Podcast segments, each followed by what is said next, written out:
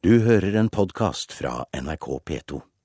De populære blånissene er havnet midt i en bitter rettighetsstrid. Uenighet rundt tilleggsprodukter fra de to spillefilmene gjør at Blåfjellskaper Gudny Hagen ønsker å heve avtalen med filmprodusenten og avslutte samarbeidet for godt. Får hun ikke full godkjenningsrett over verket sitt innen to uker, kan det bli rettssak. Her er det da forskjellige kyllingprodukter. Rått kjøtt. Så er det mange andre produkter. Eh, som eh, sjokolade og sukkertøystenger. På kontoret til advokaten sin viser blåfjellskaper Gudny Hagen fram en rekke varer med bilder av nissene hennes på. Tilleggsprodukter fra filmer er en vanlig måte for produsenter og opphavskvinner å spe på inntektene sine med, men for Hagen går det her et prinsipielt skille. Det var et sjokk å oppdage at uh, mine nisser skulle brukes til å selge matvarer. Det vi skaper for barn, uh, skal ikke assosieres med matvarer eller noe som kan puttes i munnen. Næringsmidler. Det handler om eh, noen grenser som går ved liv og helse.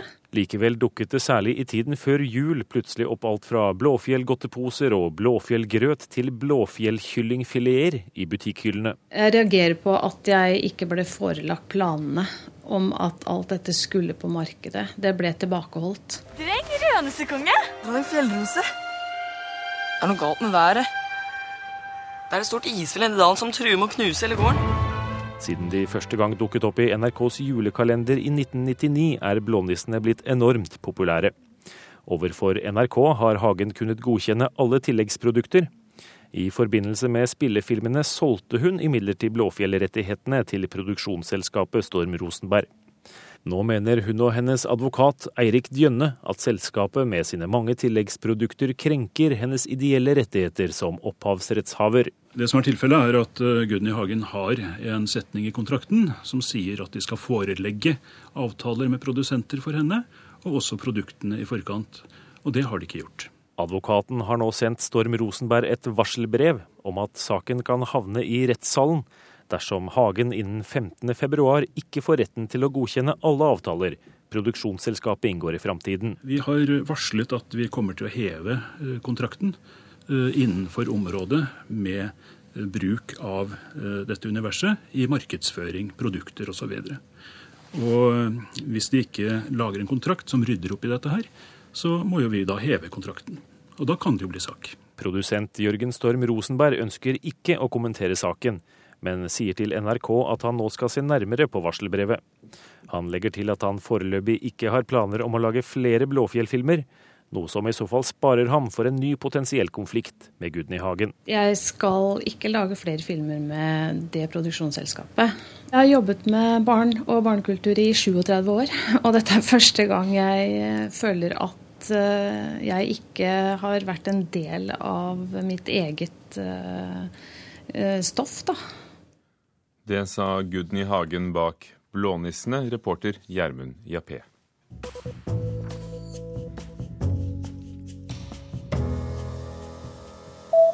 Operaen i Barcelona, Liceo, må stenge i to måneder i år pga. nedskjæringer. Flere forestillinger tas av plakaten, og 390 ansatte blir uten arbeid og lønn i denne perioden. Årsaken er lavere overføringer fra Kulturdepartementet og kraftig nedgang i sponsorinntektene, skriver El Pais.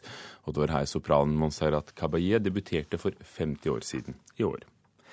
TV 2 og NRK tar innpå de tradisjonelle avishusene på nett. NRK.no er nå Norges nest største nettsted og har gått forbi Dagbladet, mens TV 2 NO vokser mest av de store nyhetsnettstedene. VG-nett er imidlertid fortsatt størst, med 1,3 millioner brukere hver dag, skriver Dagens Næringsliv i dag.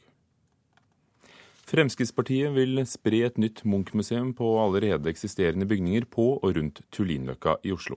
Carl I. Hagen er gruppeleder for Frp i Oslo bystyre. Han ser for seg utstillingslokaler i det gamle Nasjonalgalleriet og andre funksjoner i bygningene rundt. Det er ikke nødvendig med noe nytt bygg, sier Hagen. Det er kun å bruke eksisterende bygningsmasser, legge vekt på at Nasjonalgalleriet vil være utstilling og publikumsarealene. Stortinget, hvor jeg har vært en del år, der har man jo overtatt noen kvartaler og bygget noen tunneler under.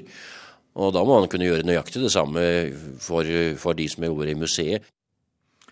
Med 26 mot 15 stemmer ble vedtaket om å bygge et nasjonalt eh, bok- og blueshus banket gjennom i Notodden kommunestyre i går kveld. Dermed er en langvarig strid om et nytt kulturhus til drøyt 160 millioner kroner endelig avgjort. Det klareste innlegget før avstemningen kom fra en av solidaritetslistas yngre representanter. Jeg har et svar til de som uh, mener at uh, Notodden kanskje ikke utvikler seg nok, eller at sentrum begynner å dø ut. Jeg har tre enkle svar. Bok og blueshus, bok og blueshus og bok og blueshus. Takk. Og eh, Ken Roger Wølner fikk det som han ønsket.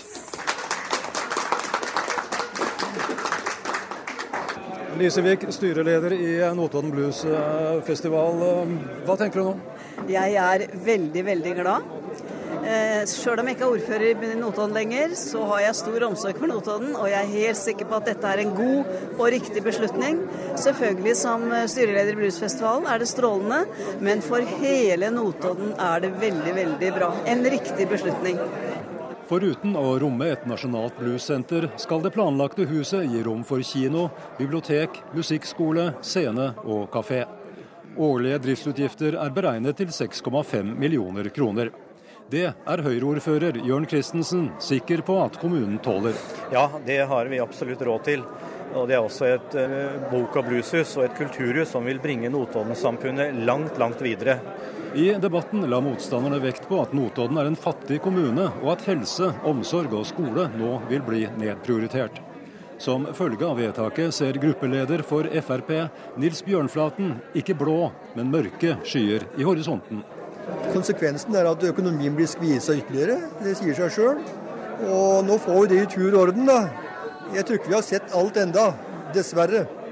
Og reporter på Notodden er Børre Karterudseter, og det er arkitektfirmaet Askim Lanto som allerede i 2010 vant konkurransen om et nytt blueshus.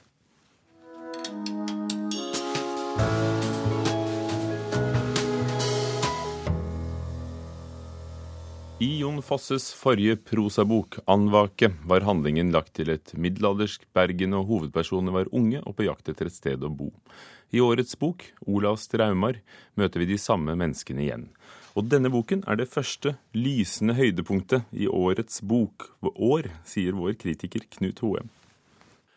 De som leste den 80 sider lange fortellingen 'Andvake', det betyr søvnløshet, i 2007, vil vite at de arketypiske, altså urmenneskelige situasjonene sto i kø. Kjærlighet oppstår når to unge mennesker er av samme slag. I samme svev er Fosses metafor. Det er nærmest skjebnebestemt at unge Asle skal bli spellemann som sin far. Får du to døtre, blir den ene som mor og den andre som far, og de hater hverandre. Som en kompliserende hindring ligger drapene som tilsynelatende eneste utvei når noe utenfra truer det du elsker mest. Alt dette kobler Fosse så opp mot et bibelsk motiv. Asle og den høygravide Alida søker etter et ledig rom i herberget. Olavs drømmer fortsetter like fortettet og intenst som andvake slapp, og nå handler det om følgene av handlingene Asle gjorde som ung. Han lever like dårlig med drapene som Raskolnikov gjør i Forbrytelse og straff av Dostojevskij. Hans grufulle handlinger kommer han ikke unna, selv om han flytter fra byen og skifter navn til Olav. Den ytre trusselen mot denne lille familien er i sin tur et kjent motiv i Jon Fosses skuespill, og kanskje er det nettopp erfaringene hans som dramatiker som er grunn til at denne punktumløse prosaen nå virker mindre anmasende enn før. Som drivende kraft i den norske 80-tallsmodernismen innførte Jon Fosse sin versjon av stream of consciousness-teknikken til James Joyce på norsk. I sine til nå to førmoderne fortellinger fra Bergen by er vi fortsatt i det glidende spennet mellom indre tankeverden og ytre handling, men hendelsene kommer nå så tett at det ikke i hovedsak er mangelen på punktum som gjør at leseren blir drevet mot denne lille bokens ubønnhørlige slutt og når det så er slutt, så er det manglende punktummet et slags løfte om at slutten allikevel ikke er en slutt, og at det fortsatt skal kunne være mulig å lure på hvordan dette går. Knut Hoem om Jon Fosses siste bok, 'Olavs traumer'. Slagordet til Polarias på Svalbard har hittil vært 'Cool Place, Hot Music' men tidligere denne uken ble Svalbard det varmeste stedet i landet, og rullebanene ble stengt pga. været. Og dermed fikk festivalen seg et nytt slagord, Hot Place, Cool Music. Men så var alle lettet da det endelig ble mulig for de fulle flyene å lande. Dette er luksus. Ja, ikke sant? Artistene blir møtt med champagne på flyplassen i Longyearbyen. Det er en fest at de kommer, og slett ikke selvsagt. For denne veka har det vært kaos. Uvanlig mildvær veksla til frost og tilbake til mildt. Det ble for glatt til at fly kunne lande. Enda bra at festivaldirektør Lasse Stene Hansen har nerver av stål, og at jazz for han er improvisasjon. Når vi snakker om polar jazz, så er det jo ikke bare det at det skal være jazz, det er i, musikkform. Det er jo det at vi driver og improviserer hele tida, for det er en risikosport nærmest å drive med festivaler på her. Så det er det som er polar jazz. så det, ja da. Nei, det ordner seg. Alt ordner seg. Det er store navn på plakaten, men jazz er det ikke mest av i Polarjazz. Maria mener det lille og Bjelleklang er blant trekkplastra, og det var fullt hus da Kaisers Orkestra åpna sin norgesturné i Longyearbyen i går kveld.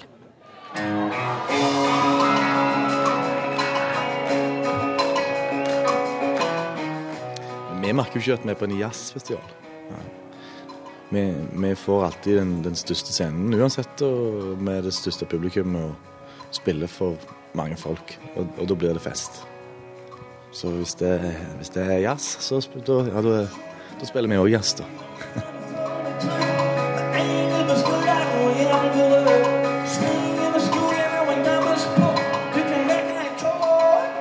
Arrangøren har innsett at jazz er for snevert om en skal lokke ut flest mulig av de om lag 2000 personene som bor i Longyearbyen. Den nye Polarjazz får folk til å gå av huset.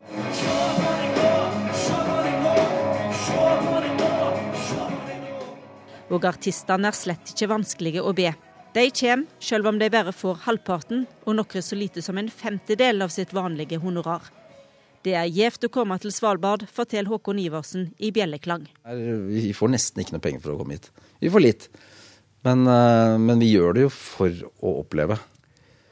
Det er veldig stas og veldig eksotisk å komme til Svalbard. Og det er ikke så mange ganger det anledningen byr seg, at man faktisk drar til den lille rare utposten som på en måte Ja. Så, så, så er, den er litt sånn myteomspunnet, i hvert fall i musikkmiljøet. Altså, 'Å, har du ikke spilt på Svalbard?' 'Å gud, det er så kult, og det er så morsomt', og det er, det er snøscooter, og det er um... Ja, snøscooter og hundeslede er blant grunnene til at de kommer, trass dårlig betaling. Ei hovedpine for arrangøren da Svalbard brått ble varmest i landet. Denne gangen her så har jo vi snakka om at de skulle gjerne få lov å, å få dem opp og oppleve Arktis. Og snøscooter og det hele. Og så har vi da hatt eh, plutselig mildvær og regnvær i en så lang periode at det faktisk ikke er mulig. Men så ser vi de artistene når de kommer ut allikevel, tar det med fatning, og så viser det seg at de rett og slett bare trives. Så Det tror jeg sprer seg blant artister igjen. Så, det, så Også de skryter av festivalen, og dermed så er det andre som har lyst til å komme opp. Så det har jo ikke alltid vært sånn at du har klart å få opp eh, store artister, men det har jo blitt mer og mer de siste åra, det har sikkert spredd seg litt om hva dette er sa festivalsjef Lasse Stener Hansen i Polaria, som holder på på Svalbard frem til søndag, reporter Kjersti Strømmen. I Kulturnytt i dag har vi hørt at kvinnen bak blånissen ønsker kontroll over nissene, og at det ikke skal brukes for å markedsføre matvarer og sukkertøy. Og det kan bli rettssak mellom henne og produsentene av spillefilmene. Og Jon Fosses nye bok 'Olavs draumar' er et lysende høydepunkt. Det første i årets bokhøst. Ja, det sa faktisk vår kritiker Knut Hoem, og du kan lese anmeldelsen hans på nrk.no. Hanne Lunås var teknisk ansvarlig, Halvor Haugen produsent og Ugo Fermariello, programleder. Du har hørt en podkast fra NRK P2.